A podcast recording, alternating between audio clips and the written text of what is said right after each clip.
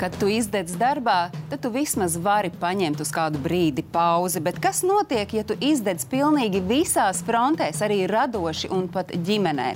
Kā tai mirklī nodzēsties? Par to arī runāsim šoreiz Ziloņas studijā.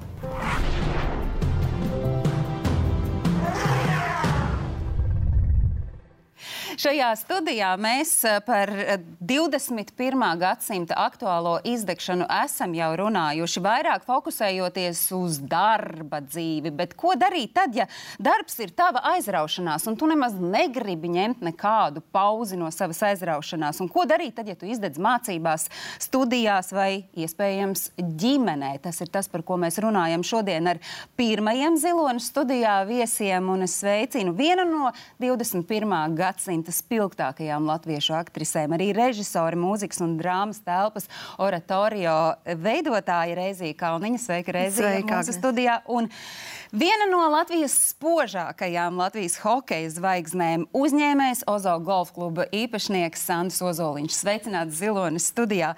Reizīja, Šī uh, teātris sezona, es pareizi saprotu, tev ir sākusies mazliet citādāk nekā citas. Tu esi sajutusi nepieciešamību zināmā mērā nu, pēc tāda radoša pārtraukuma. Ārštatā tu šobrīd esi Dēles teātrī. Trīs gadu desmiti tur tu biji uh, štata darbiniece. Šobrīd tu esi mazliet pakāpusies nost, vai var teikt, ka tu esi sapratusi, ka tev ir nepieciešams pārtraukums? Distancēšanās? Nu, Kā to varētu saukt? Jā, nu man šķiet, ka vispār jebkurā profesijā, iespējams, nu, radošajā īpaši. Uh, ir uh, nepieciešams pārtraukums, lai varētu uzpildīties. Jo, ja tu tērē, tērē, tērē, tērē, tērē sevi, un ja pat uh, neatliek laika īsti lasīt grāmatas, vai, vai, vai gūt kaut kādas jaunas iespējas, vai braukāt. Uh, arī, piemēram, šajā gadījumā uz ārzemēm skatīties kaut kādas teātris izrādes un, un, un jaunas vēsmas. Tad uh, iestājas jā, tas viens brīdis, kad tu saproti, jā, kad uh, ir izdegums. Kas bija tie tavi signāli? Kas tev signalizēja? Mm -hmm. Nav Zin kā, nav runa par to, ka es tagad uh, vairs neko nedarīšu. Man ir uh, tikko aiz muguras bijis Latvijas plēsis roka opera, tagad būs 14. oktobrī. Man ir jauns iestudējums oratorio, brīnišķīga lūgā. Nākamais iestudējums jau ir Finks. Bet kas bija tas signāls? Nu, ka kaut kas ir jāmaina. Pat ne jāmaina, Agnes. Ne, ne, pat ne jāmaina. Ir jāpaņem, ir bišķi jāsāk novērot, ir jāsāk sevi vērot un jāsadzird ātrāk tie signāli, uh, kur vajag iepauzēt. Nevis kur vajag atkāpties vai no kā vajag atteikties, bet kur vajag iepauzēt. Nu, varētu teikt, cieņpilna attieksme pret sevi. Un, un, un man šis brīdis ir tāds, ka es vēlos vairāk uh, radīt kā režisore nekā piedalīties kāda cita uh, spēlēs. Es gribu pati spēlēt, es gribu pati būt spēlētājs. Bet tu minēji par to, ka radošajās jomās ir ļoti viegli izdegt, un kāds teiks, bet kā, bet tu taču dari to, kas tev tiešām no sirds patīk. Tur ir nepārtraukti jaunas lomas, jaunas iejušanās. Kāds teiks, vispār tā ir bauda. Mm -hmm. Nu, kūku arī var ēst un ēst un ēst, un vienā brīdī tā bauda pazūd. Ja tu ienāc tajā rutīnā, tāpēc es saku, nav, uh, nav izdegšana, ir obligāti jāņem katram jāatļaujās, ja, ja, ja to var atļauties, jāatļaujās paņemt pauzi. Atļauties paņemt pauzi, uh, tad, uh, ja tu to vari, profesionālā sportā ir iespējams paņemt pauzi. Uh, Jo gadi iet, laiks iet uz priekšu. Ir. Noteikti ir. Es pats paņēmu pauzi uz veselu gadu. Un tieši tādu iemeslu dēļ, ka es nevis fiziski, bet psiholoģiski nebiju gatavs spēlēt, turpināt atrasties tādā vidē, kas man radīja pārāk lielu un negatīvu uh, ietekmi uz manu dzīvi, uz manu psiholoģiju, uz manu veselību, uz manu garīgo pasauli. To var izdarīt. Tas prasa noteikti drosmi, jebkurā vietā var no kaut kā atteikties, jo tu esi gatavs pieņemt sekas, kādas tās varētu būt. Zināmās un nezināmās. Ja, tā tad pateikt stop vienu brīdi, ka šis vairāk man nav tīkams, rada pārāk daudz, uzsver pārāk daudz, pārāk daudz negatīvas emocijas, sekas kaut kādas negatīvas manā profesionālajā dzīvē, manā ģimenes dzīvē, manā personīgajā vidē, kurā es atrodos, ka es esmu viens pats, nu, tad jāsaka pauze. Kādēļ es to neesmu darījis vienu vai otru vai citu reizi, man ir bijis bail no sekām. Man negribas sastapties ar tām sekām, kuras varētu iestāties, ja es to izdarīšu. Jo kādiem man rodas pārdegšana. Mhm. Jautājums ir, jo es esmu nolicis kaut kādus mērķus, kurus es tikai zinu, vai kāds cits ir man pateicis, ka tie ir tie mērķi, kas ir svarīgie. Vienalga, izskats, darbs, nauda, status, slava. Nezinu, trīs bērni, divi bērni, viens bērns. Jā, vienalga, kas precējies, neprecējies. Es nosaku kaut kādas limitus, kurus es gribu sasniegt. Ja es viņus nesasniedzu, es kompensēju, pārkompensēju un tādā veidā viņus cenšos sasniegt. Kas bija tie tavi signāli, kad tu saprati, šis ir tas brīdis, lai arī man ir bail, bet es ņēmu pauzi? Um, tas brīdis, kad man profesionālajā tādā manā darba lauciņā man bija drosme. Man nebija bailes no tā, kas notiks tad, ja es saņemšu ripu zilās līnijas. Es esmu pēdējais cilvēks, aiz manis tikai vārdsargs, un kas notiks ar viņu. Es zināju, ko darīt, man bija automātiskās reakcijas, es varēju izdarīt, un man nebija bailes. Pēdējais signāls bija tas, ka man pie manis nāk šī piespēle ripa, un es jau domāju, tikai nepārliec, tikai nepārliec, man noiet pāri, un kas notiek, viņi pārlec.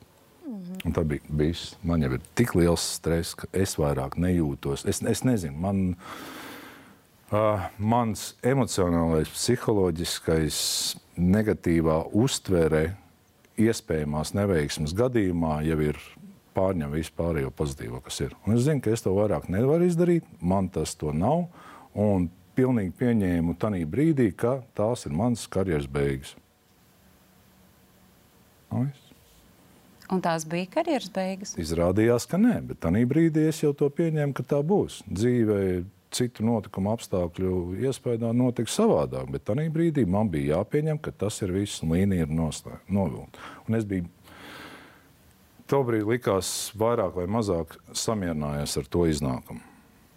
Ja, līdz tam es negribēju tās sekas, kas būtu, ka man karjera beigusies, viss vairāk nekad nevarēšu to darīt. Un tādi ir arī bijuši daudz lēmumi, kur mēs daudzreiz sakām, man nebija izvēles, man nebija izējas, man bija jādara tas, jo savādāk kas.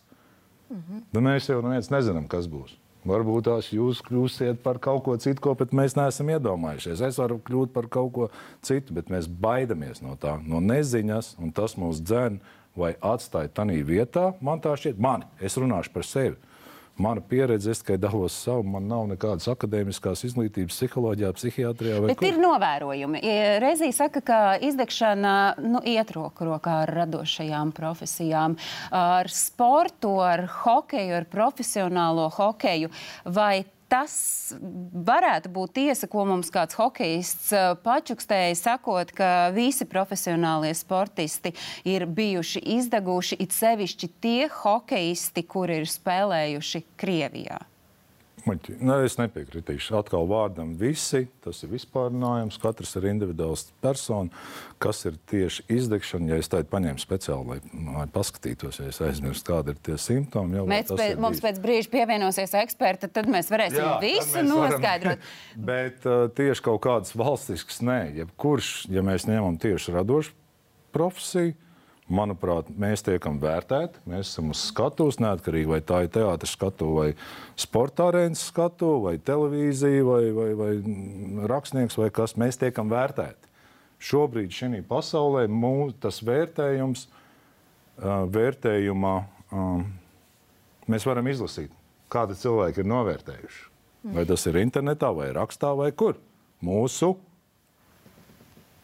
patiesībā esība, jo mēs esam vairāk vai mazāk tas, ko mēs darām. Ne, nu par to vērtējumu, Sandi, tu tiešām esi bijis tāds top, top uh, hokejists uh, Latvijā ilgus laikus un fanu uzticību esi iem, ieci, iemīļojis un ieguvis. Un, uh, 2023. gadā, tas ir vēl šogad, uh, tādā skatītāju balsojumā par tautā mīlētākajiem Latvijas hokejistiem, tu esi otrajā vietā. Līdz ar to tas nozīmē, ka tā uh, uzmanība un tā skatuve joprojām seko līdzi. Cik daudz ietekmē tas, ka tu saproti, ka tu esi uz skatuves un tevi vērtē, cik daudz tas tavu uh, emocionālo labsajūtu un soli ceļā uz izdegšanu pavada? Jā, jā nu, uh, man izdegšana uh, saistās ar to, ja man piedāvā uh, tādas lomas, kurās es, caur kurām es neko personīgi nevaru izstāstīt, vai piedalīties tādās izrādēs, kurās, manuprāt, emocionāli runājot, nekādā veidā pasauli nemaina. Un, jā, un tās tēmas ir ļoti svarīgi. Runāt par tēmām, man, man ir ļoti svarīgi konkrēti runāt par tēmām, kuras man kā cilvēku interesē šajā vecuma posmā, piemēram. Ja? Un, uh, ja man to nepiedāvā, un ja es esmu kaut kādā ražošanas tādā procesā, kā viena no skrūvītēm, uh, es nevis izdegu, bet es vairs man nav ko teikt. Un, tad ir tas, kad, jā, kad vēseli saka, mm, viens mēs varam teikt par izdegšanu vai neizdegšanu sindromu un tā tālāk, bet mana dvēsele saka stop, nē, tālāk, nē, tālāk. Redz, jūs abi esat ļoti daudz savā dzīvē sasnieguši, un jūs to stop iespējams varat atļauties pateikt, bet ir cilvēki, kuri nevar to stop atļauties pateikt. Tā man ir jautājums, kāpēc? uzskatām, ka mēs nevaram atļauties. Sekas jau visiem cilvēkiem ir tieši tādas pašas. Ietekmē viņa ikdienas dzīvi, ietekmē viņa labklājību, ietekmē to. Jautājums ir, cik liela drošība ir, ja tev nav tas, ko tu dari. Ja? Bet kurš ir noteicis to, ka mūsu iedomātā pasaule vai mūsu iedomātās nodarbības ir vienīgais, ko mēs varam darīt. Kā mēs varam sevi piepildīt, kā mēs varam pirmām kārtām jau nodrošināt savu eksistenci, sev, savai ģimenei un uh, saviem apkārtējiem. Kā mēs varam sevi piepildīt, tas ir tas, par ko mēs noteikti runāsim arī redzējuma turpinājumā. Mums pievienosies speciāliste, kura ir uzrakstījusi pirmo grāmatu Latvijā par izdegšanu. Un vēl, protams, mēs mēģināsim sataustīt, kas tad ir tās pirmās pazīmes, ka tiešām tā ir izdegšana.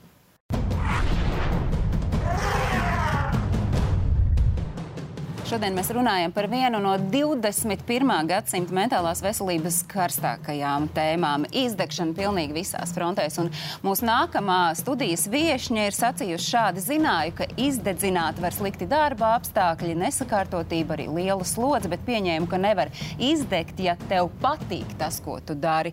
Šie vārdi pieder Marijai Abeltiņai, kur ir psiholoģija, kur ir ieguvusi psiholoģijas eh, grādu, zinātņu doktoras grādu psiholoģijā tieši tieši pētot profesionālās izdegšanas sindromu. Sveicināta mūsu pulkā. Nu, kā tas ir iespējams, ka tu izdegi darot to, kas patiesi patīk? Jā, tas ir, tas ir labs jautājums, ko es arī pati sev ilgus gadus uzdevu, un tāpēc arī sāku to studēt, lai, lai, lai izprastu tā padziļināti. Um, nu, redz, parasti asociē to izdegšanu ar tādiem sliktiem tiešām darba apstākļiem, vai ar milzīgu slodzi, vai uh, tiešām ar ļoti, tādu, ļoti traumatizējušu varbūt saturu, ja, ja mēs domājam nezinu, par ātro palīdzību vai uh, par glābšanas dienestiem. Ja. Uh, varbūt arī uh, ar tādām sliktām attiecībām kolektīvā. Ja, kur ir visu laiku intrigas un vienkārši viens, viens otru noēd. Ja? Un, protams, ka mazāk varbūt runā par tām lietām, kas ir saistītas ar tādām nu, teiktu, privātiem faktoriem. Un viens no tiem, kas dažkārt liek iz, izdegt arī tādā, nu, varbūt arī normālos, teiksim, tā darba apstākļos, ir tāds negausīgums, kad mēs strādājam pārāk daudz, tāpēc, ka mums ļoti patīk. Tas ir viens, un otrs arī, kas ir interesanti, arī pretējā darbība, kad mēs pārāk sevi saudzējam vai iesaistamies, tā kā, tā kā te jau bija pieminēts, projektos, kas mums ir neinteresanti, kas mūsu vērtības vērtībām neatbilst, uh, nu, tad, tad arī mēs varam izdegt. Sanāk, gan darot to, kas mums nepatīk, gan arī darot to, ko mums patīk, uh, ja mēs nezinām mēru tā izdegšana var piezakties. Skatoties uz Marijas, atļaušos sacīt, ka nav ļaunuma bez labuma, ka iespējams, ka labi, ka tev bija šis izdegšanas sindroms, jo tas ir rezultējies gan tavā doktora grādā, gan arī tā ir pirmā grāmata, kas par profesionālo izdegšanu ir tieši latviešu valodā un šeit Latvijā sarakstīta. Bet vai atšķiras tās sajūtas, vai es esmu izdedzis darbā, vai es esmu izdedzis kaut ko radošu, radot un iespējams to vispār pat neuztver darot kā darbu vai sportā? Nu, tādas uh, kopējās pazīmes, viņas varbūt uh, nu, tas pirmā, pirmā pazīme grupa, kas ir saistīta ar izsīkumu spēku, nu, manuprāt, viņai īpaši neatšķirās. Tu vienkārši jūties fiziski, emocionāli, morāli un arī tādā domāšanas ziņā iztukšots un, un, un uh, grūti pieņemt lēmumus, grūti, nu, vispār grūti darīt jebko. Ja? Un pēkšņi tas, ko es visu gribēju, cerēju, vai karjerā, jā, to, ko es gribēju uzbūvēt, man šķiet nenozīmīgs, nesvarīgs, un, un, un, un, es, un es tajā neiesaistos. Kas ir tas no Marijas sacītā, jūs teiktu, ka tas arī ir par mani? Man pats, bet tas nebija ar hokeju saistīts. Man bija pieredze, kad es varēju tā paredzēt, apmēram, ka nu pat iet kaut kas līdzīgs uz izdegšanas periodu, ir, ka man ir visas emocionālās sajūtas, jebkas, ko cilvēks teica, man bija ļoti sāsināta uztvere. Negatīvā, drīz vai agresīva reakcija uz labdienu. Ko gribi? Nu, tāda, gandrīz vai tāda, jā, jā, gandrīz vai kas, ir, kas nav kārtībā. Ja, Kur tu redzi labu dienu? Nu, nu, gandrīz vai tādas, un tad es sāku saprast, jā, ka jebkura problēma bija globāla, kad nu, tā jau ir tā, kas tagad tam kamielim pārlauzīs to to, to, to, to muguriņu, ja, un, un, un, un visas pārējās lietas vienkārši ļoti saīsināt, sāsināts un tai pašā laikā pilnīgs nevēlēšanās kaut kādā veidā risināt viņus. Es to nesaucu par depresiju, jo es tādu pārstāju. Es saucu par depresiju, slikts garīgais, slikts garīgais. Un de, klin, eh, klīniskā depresija ir pilnīgi pavisam citas lietas, tādēļ es izvairos. Bija aizdoms, ka varētu iet uz to pusi kaut kas tāds. Bet pēc tam runājot gan ar sievu un, un ar, ar, ar vēl vienu man ļoti tuvu cilvēku, ar kuriem es vēlos, sapratu, ka varbūt tās, tās lietas es pats uztveru daudz sāpīgāk, daudz sāsnāk nekā apkārtējā pasaule. Izmainot savu uztveri vai piešķirot citu nozīmi tām lietām, tām pašām, mainījās man pašsajūta. Reizī, vai tu sevi arī saskati to, ko uh, sacīja Marija, ko vēl no tā uh, jā, var noteikti. Viet, un vispār no, saviem arī kolēģiem iespējams aktieriem? Es pa kolēģiem īsti nezinu. Katram ir savs. Nu, to, ko mēs zinām, uh, gadsimta slavenā slimība veģetīvā distonija. Tas ir tas, ko Marija teica, un kas ļoti notikrēja un rezonēja manī - perfekcionisms. Jā, jo pie vārda perfekcionisms nu, uzreiz reizīs okay. sasprāst. Sarkanā lampiņa, jā, nu, ieskaitot, ka mājās ir dakšiņi tur un tā stāv un tā tālāk, un arī darbā. Un tas ir, tas ir tas jā, perfekcionisms, ka mēs neļaujam, nu, kā mēs zinām, mans vīrs ir Ainās Rubiķis, diriģents, un arī viņš ir perfekcionists, un arī viņš iet tā kā uz, uz, uz, uz ļoti lielu sevi pat, sevis patēriņu. Tā ir mums viens draugs. Uh, teica, parādi man reizīt savu blociņu. Kur tev, dienā, kur tev ir nedēļā viena diena, kur tu nedari neko? Es saku, nav. nav. Viņš saka, tev ir, jā, nu, ir, jā, ir jā, jāļauj sev uzpildīties. Kaut vai ejot zālē, kaut vai skatoties saulē un tā tālāk. Un, un tad ir tas, ko mēs runājam, ka tā izdegšana notiek dēļ perfekcionisma, Un tad mēs skatāmies tālāk, no kā tas perfekcionisms ir radies. Tad mēs atkal sākam kāpt atpakaļ bērnībā un nogaidām no tā, ka uz mums visu laiku gaida. Un to, ko Sandrs teica, tas vērtējums. Mūsu profesija, esot uz skatuves vai arēnā, ir visu laiku pakļauta vērtējumam. Būtībā tu dzīvo eksāmenos. Vēl joprojām eksāmenos. Un tad tas prieks, viņa, nu, nav vairs tas prieks, nav prieks, dopamīns beidzās. Pieķeršos tevis sacītajam par to, kur tev ir tā pauze ielikta, kur tu esi sev iedevis to atpūtu. Un te mēs uh, droši vien nonākam pie tā, ka pirmkārt mums ir jāsaprot, katram cilvēkam noteikti ir savs veids, kas viņam dos šo atpūtu. Un, saka, ka esot tādi septiņi atpūtas veidi, mēs tūdaļ redzēsim to grafiku, nu, tur fiziski, mentāli, garīgi, sociāli, sensitīvi sensori radoši, emocionāli, kāds teiks, nu, tur varbūt kāda ar kādu pārklājas. Uh, Marija, kā atrast to savu veidu, kā atpūsties? Nu, droši vien pirmkārt jau ir jāsāk ar to, ka tev ir jāiedod tā iespēja vispār sev atpūsties. Mm -hmm. Jā, es paķēru līdzi to savu grāmatu, un es, uh, es saprotu, reizi, ka. Parādi, kāda tā grāmata? Jā. Viņa izskatās sarkana un ar tādu zibeni, lai, lai uzreiz ir skaidrs, ka, ka šim ir jāpievērš uzmanība. Ja? Un es viņai arī iestrādāju visādus vingrinājumus, un viens no tiem, kas arī man ļoti palīdzēja, ir vienkārši izbrīvēt sev savā plānotājā vietu atpūtai un par viņu cīnīties kā par, kā par arī tādiem notikumiem, kas, kas nu, varbūt ir saistīti tiešām mūsu profesionālo izaugsmi vai kaut kādām tādām lietām. Jo pieauguša cilvēka dzīvē nepienāks brīdis, kad pēkšņi visi darbi ir tā padarījušies, un tev tā nav ko darīt. Ir tīpaši, es domāju, radošiem cilvēkiem. Ja? Nu, kā, visu laiku kaut kādi projekti galvā, ja? un visu laiku kaut kas eh, jauns nāk un nāk klāt. Tāpēc eh, tā, tā atpūta dažkārt ir jāizskaro, ja? un viņa jāieplāno, un viņa ir jāieskicē, ka viņa tur ir. Un, un eh, vēl kas dažkārt palīdz, ka mēs nezinu, dažādās krāsās iekrāsojam, kur ir mūsu darbi, darba stundas, kur ir mūsu atpūtas. Jo Kas ir izdegšana? Uh, nu tā, mm, tas, ir, tas ir stāsts par hronisku stresu, kas ir hroniski nepareizi pārvaldīts. Ja mēs izņemam vārdus hroniski, mēs varam dzīvot, jo stress ir normāla dzīves sastāvdaļa. Ja? Un, ja mēs arī viņu pārvaldam normāli, mēs dodam sev iespēju atpūsties, tas nozīmē, ka mēs varam arī kalnus tos gāzt. Ja? Bet mēs nevaram vienkārši nu, non-stopā dzīvot. Ja? Tāpēc tas ir ļoti svarīgi, ka mums ir tie, tie brīži, kurus uh, mēs uh, sev iedevām, un mēs sevi nemānam. Mēs arī atpūšamies. Nevis tomēr kaut ko vēl pišķi padaram. Kaut ko. Jums ir brīži, kad jūs uh, iedodat sev laiku atpūtai, un ko jūs tad darāt? man, man ir jautājums. Vairāk. Uh,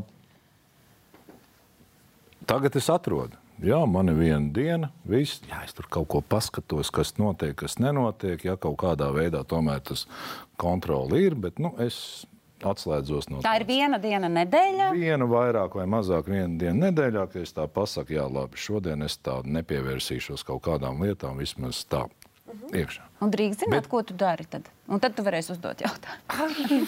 Neko. Man ir ko darīt. Oh. Man piespiež citas lietas darīt. Tās kļūst par prioritātēm. Vairāk. Nē, es varu atpūsties. Neko man ir paveicies, ka man var, at, at, es varu pateikt, es gribu gulēt, man atļaus visu dienu gulēt un skatīties teļuku un, un spēlēt stulbas spēlītes. Ja? Oh, bet, bet, nē, bērni, bērni paspēlējamies, bet tas jau tāds, tāds izklaid. Un kad jau paliek pārāk grūti, tad es saku, paņemiet, paņemiet, paņemiet. Ja? Bet man ir jautājums par šīm izklaides dienām. Tas, saprotams, ir ļoti labi, ka es viņus esmu atradzis un atradzis kaut kādu veidu, kā, kādā eh, veidā eksistēt un kas ir daudz veselīgāks. Bet kādā brīdī, kā es varu, kad es atrodos tādā turbulencē, ja, pēkšņi pateikt, o, oh, man taču ir kaut kas jādara. Pirmo reizi ejot tam visam cauri, kamēr nav līdz gandrīz vai līdz pašam kliņķim, Nu, kāda brīvdiena? Pagaidiet, man ir, man ir svarīgākas lietas, kas man jāizdara, jo bez manis taču tā pasaule pārstās griezties apkārt. Ne? Nu. Jā, tāpēc mm, tas, ko statistika rāda, ka jaunieši izdeg vairāk. Tā tas ir. Jo arī jauniešiem ir tā sajūta, bieži vien arī tad, kad es runāju ar cilvēkiem individuālās konsultācijas, ka, un arī sevi atceros, ka man nav robežu, ja, ka man nav vispār iespējas sasniegt to absolūto izsīkumu. Gan jau, gan jau kaut kur tur tā rezerve ir. Tāpēc tā ir, ka arī jauni darbinieki vairāk izdeg. Ja. Liekas, nu, viņi taču ir enerģijas pilni, nu jā, bet bez bremzēm. Bet vai tas, piedod, vai, bet vai tas nav arī zināmā mērā saistīts ar to, ka mēs vispār šobrīd dzīvojam arī šeit Latvijā laikmetā, kad uh, mēs ļoti augstprātīgi izturamies pret atpūtu, jo mums ir konstanti visu laiku kaut kas jādara un tādā pārstrādāšanas kultūrā, pārstrādāšanās kultūrā, tagad kāds iedomāsies atpūsties, vēl kā tu kaut ko tādu vari izdomāt?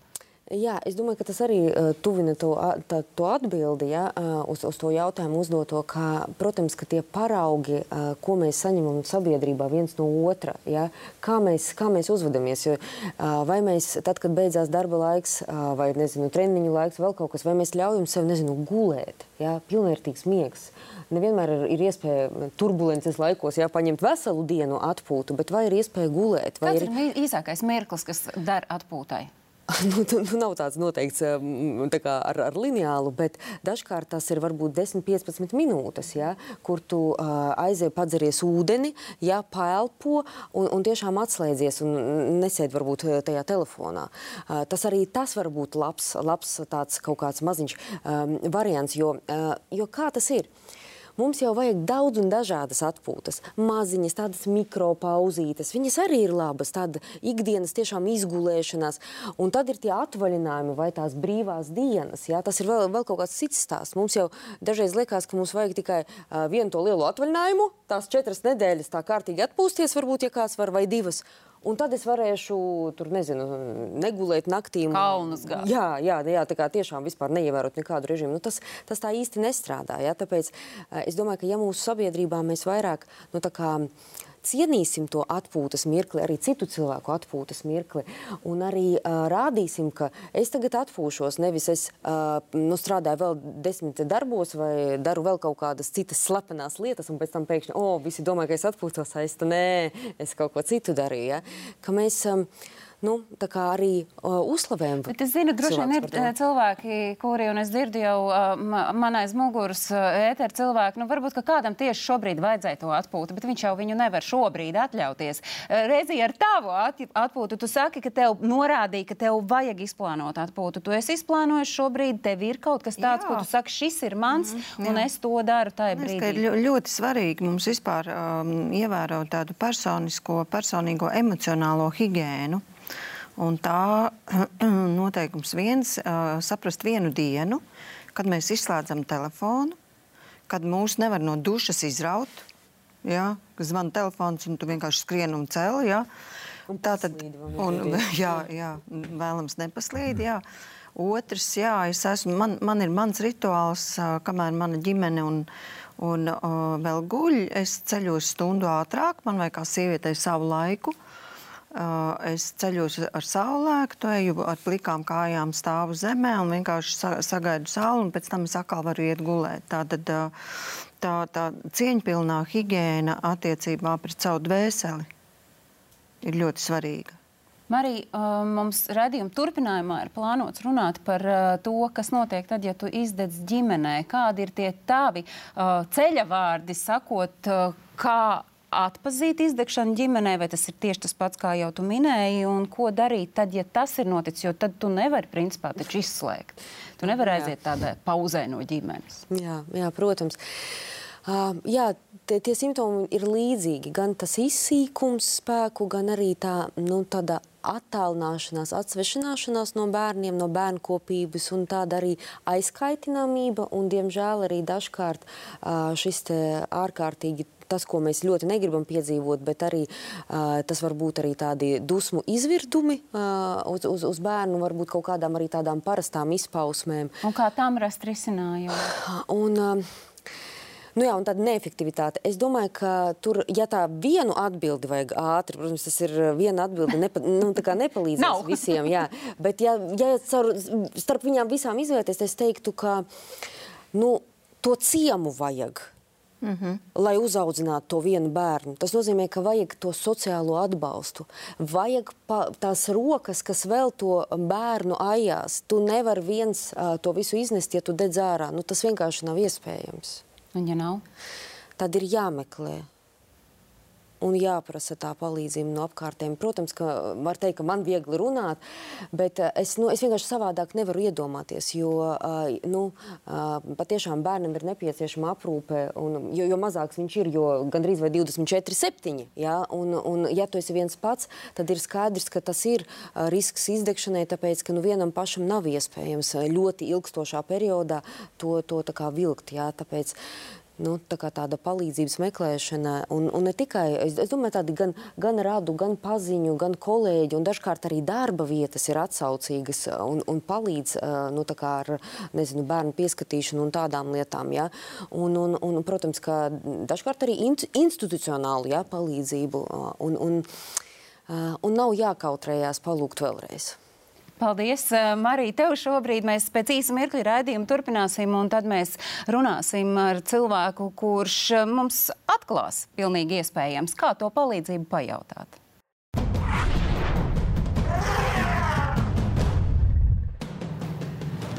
Jā, darbā vai radošajā procesā, un pat eh, šķietami neiedomājami, bet arī sportā ir iespējams paņemt pauzi. Tad ģimenes dzīvē no vecāku pienākumiem, no mammas pienākumiem paņemt pauzi, nu, man domāt, ir ļoti, ļoti grūti. Bet tieši par to mēs arī turpināsim. Mums ir pievienojusies Laura Grēviņa, dzīves stila blogere, raidieraksta pakluso autore, arī mazo pavāru skoliņas nodarbību vadītāja un arī divu dēlu mamma. Vai tev šajā visā pienākumu buķetē starp digitālo satura radīšanu, pamadarbu, dēlu audzināšanu ir bijusi sajūta, ka tas, ko Marija iepriekš minēja, mm -hmm, tas ir par mani? Um, jā, protams, ir bijusi tā sajūta, īpaši atceroties to mazo bērnu periodu, kad bija zīdainīts un uh, divgadnieks un tiešām tāds intensīvs darbs nu, mājas. It kā esmu mājās un varu parūpēties par viņiem tajā posmā, bet nu, ir bijuši periodi, jā, kad tu, tu sēdi un nesaproti, kur vispār rast vēl spēku, piecelties nākamajā dienā un turpināt to ikdienas skrējienu un, un paņemt to pauzi, kur, kurā brīdī, ja tev visu laiku kāds pie kājām bļauj, nu, tas ir diezgan pazīstami. Tas ir viens periods, ko es atceros, un otrs arī ir tāds nesenāks, kad ir ir eh, jau pilnas slodzes darbs, un vēl, vēl otrs darbs, un trešais darbs, un tad vēl ir tas bērnu menedžments paralēli tam visam. Nu, tas tāds adaptācijas posms tādam ritmam bija tāds uz izdegšanas robežas, bet, nu, uh, iemācījos arī es savas prioritātes tomēr sakārtot tā, lai um, nebūtu tā izdegšana galu galā arī ilgtermiņā. Nu, tas, ko Marija sacīja, galvenais pajautāt palīdzību. Kā tu risināji? Mm -hmm. nu, bez tā noteikti nevar. Tas nav iespējams. Un tajā mazo bērnu posmā, kad tu vēl meklē to savu ciemu un nesaproti, kur likties. Jo man liekas, ka mūsos, latviešos, ir iekšā tas, ka mēs tik ļoti negribam būt apgrūtinājums kādam citam un paprasīt to palīdzību. Ir tāds, nu, ko es tur uzbāzīšos tai, tai vecāmiņai, vai nu, it kā auklītē varbūt var samaksāt, bet vienalga ir iekšā tas, ka tie tavi bērni tev pašam ir jātiek galā. Es domāju, ka tā tendence uz izdegšanu droši vien arī ir tādiem atbildīgiem vecākiem un tādiem, protams, arī perfekcionismiem, ka visi gribās izdarīt labi ar tiem bērniem, lai viss ir labi un man pašam par visu ir jātiek galā. Man noteikti arī bija tā sajūta, ka man pašai ir jātiek galā. Un, uh, Pati jau vainīga, ka neprasīja to palīdzību arī sākumā, un, un, un, un galīgi nepalīdz arī tas, ka tagad mēs zinām, Twitterī daudz jaunās, jaunie vecāki ir aktīvi, ieraksta kādu tvītu, un tad ir viena puse, kas atbalsta, un otra, ko tu sūdzies, tu pats tos bērnus gribēji. Nu, tas joprojām ir tā tāds, kas galīgi nepalīdz prasīt to palīdzību, bet tu mazāk jāklausās tādos cilvēkos. Bet tad, uh, tu, tev arī sekotāji, sekojot līdzi, daloties savās sajūtās, tu redzi, ka tā ir tāda lielas daļas ģimeņu ar bērniem problēma.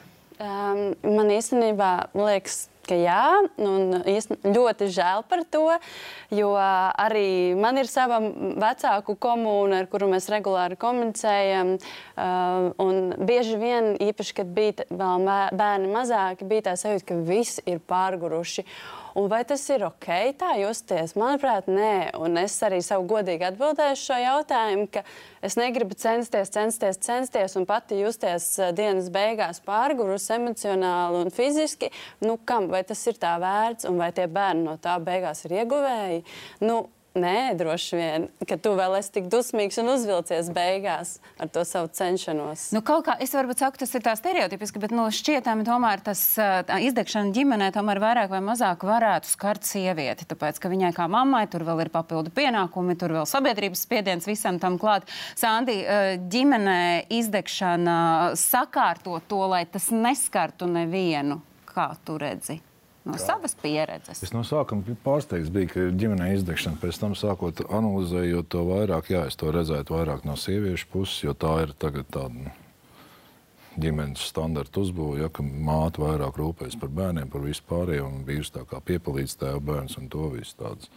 Bet nu, sievietes ir, ap, sievietēm ir apskaužām izturība un arī ģenētiski, dabiski ieliktais tas, nezinu, spēks, kas vīriešiem nepiemīt. Bet, jebkurā gadījumā, ja mēs runājam par ģimeni, tad tas ir ģimene, tas ir jau vairāk cilvēku kopums, kurš, viens, kurš visi piedalās tajā dzīvē. Ja, ģimenes dzīvē un ģimenes pienākumos. Ja mēs te runājam par ideālo ģimeni, ja?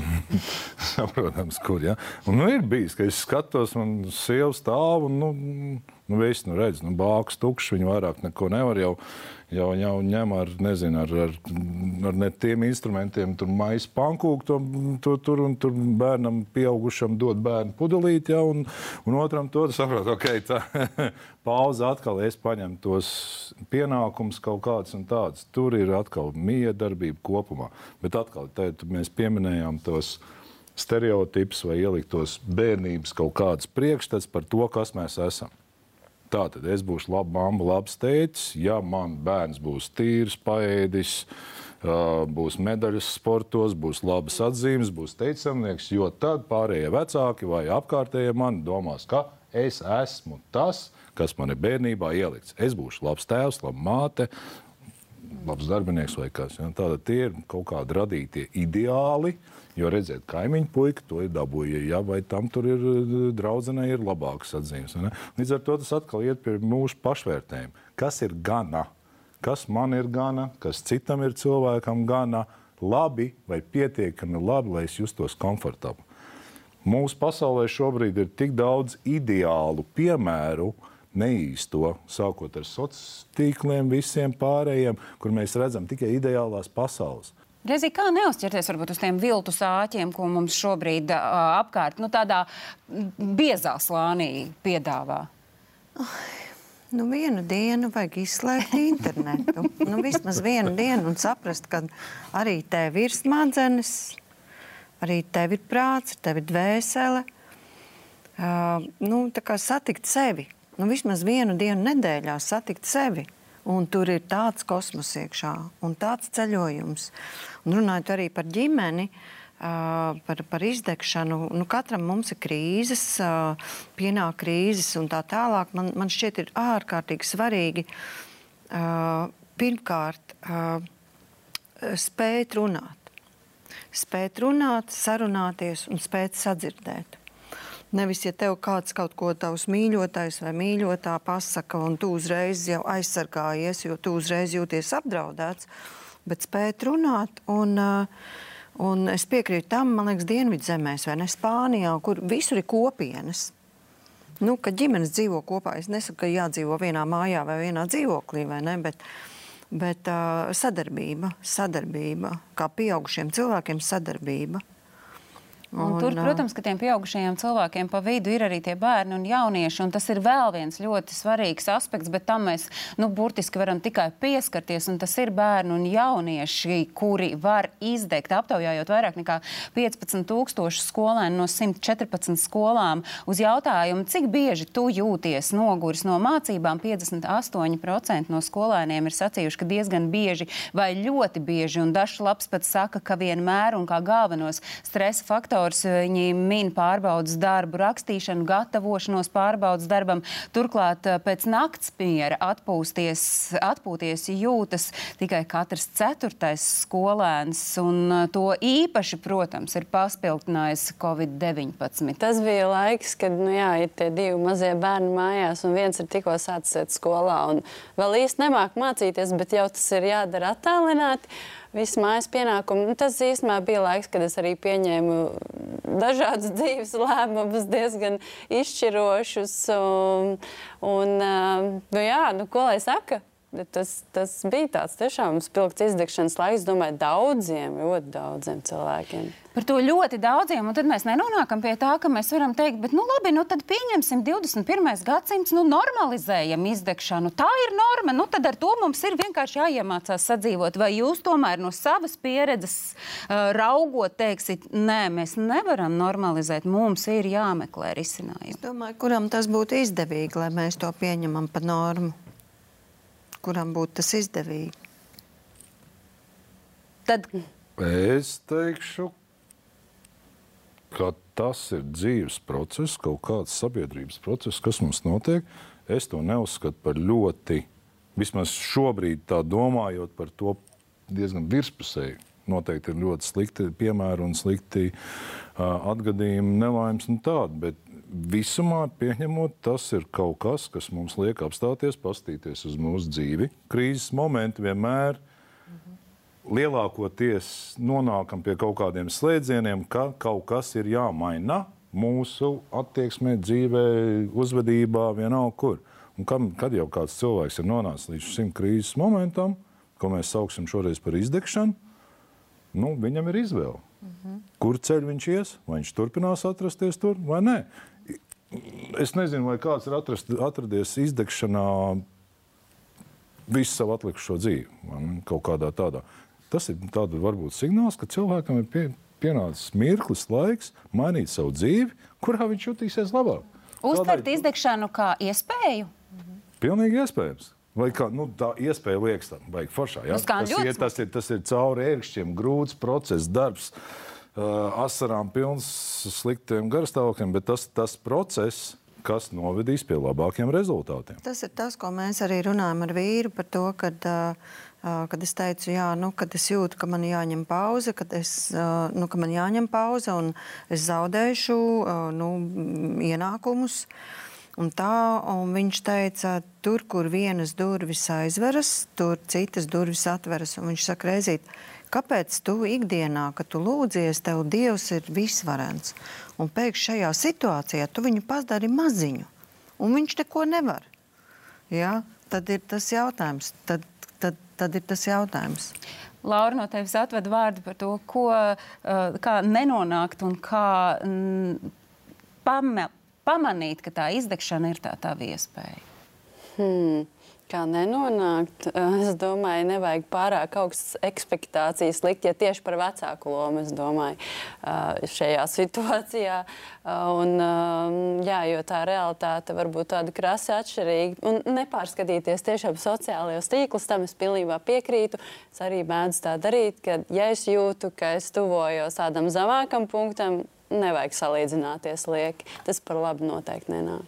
Nu, tad, tad tas nozīmē tikai vienu, ka mēs uh, beidzam skatīties ziloņu studijā šodien, uh, izslēdzam savus viedierīces, bet pēc tam atkal mēs tās ieslēdzam, lai varētu turpināt diskusiju par šo tematu. Uh, TV3 mājaslapā slīpsvītra zilonis un, protams, klausieties mūsu raidierakstu platformās. Paldies un uz tikšanos!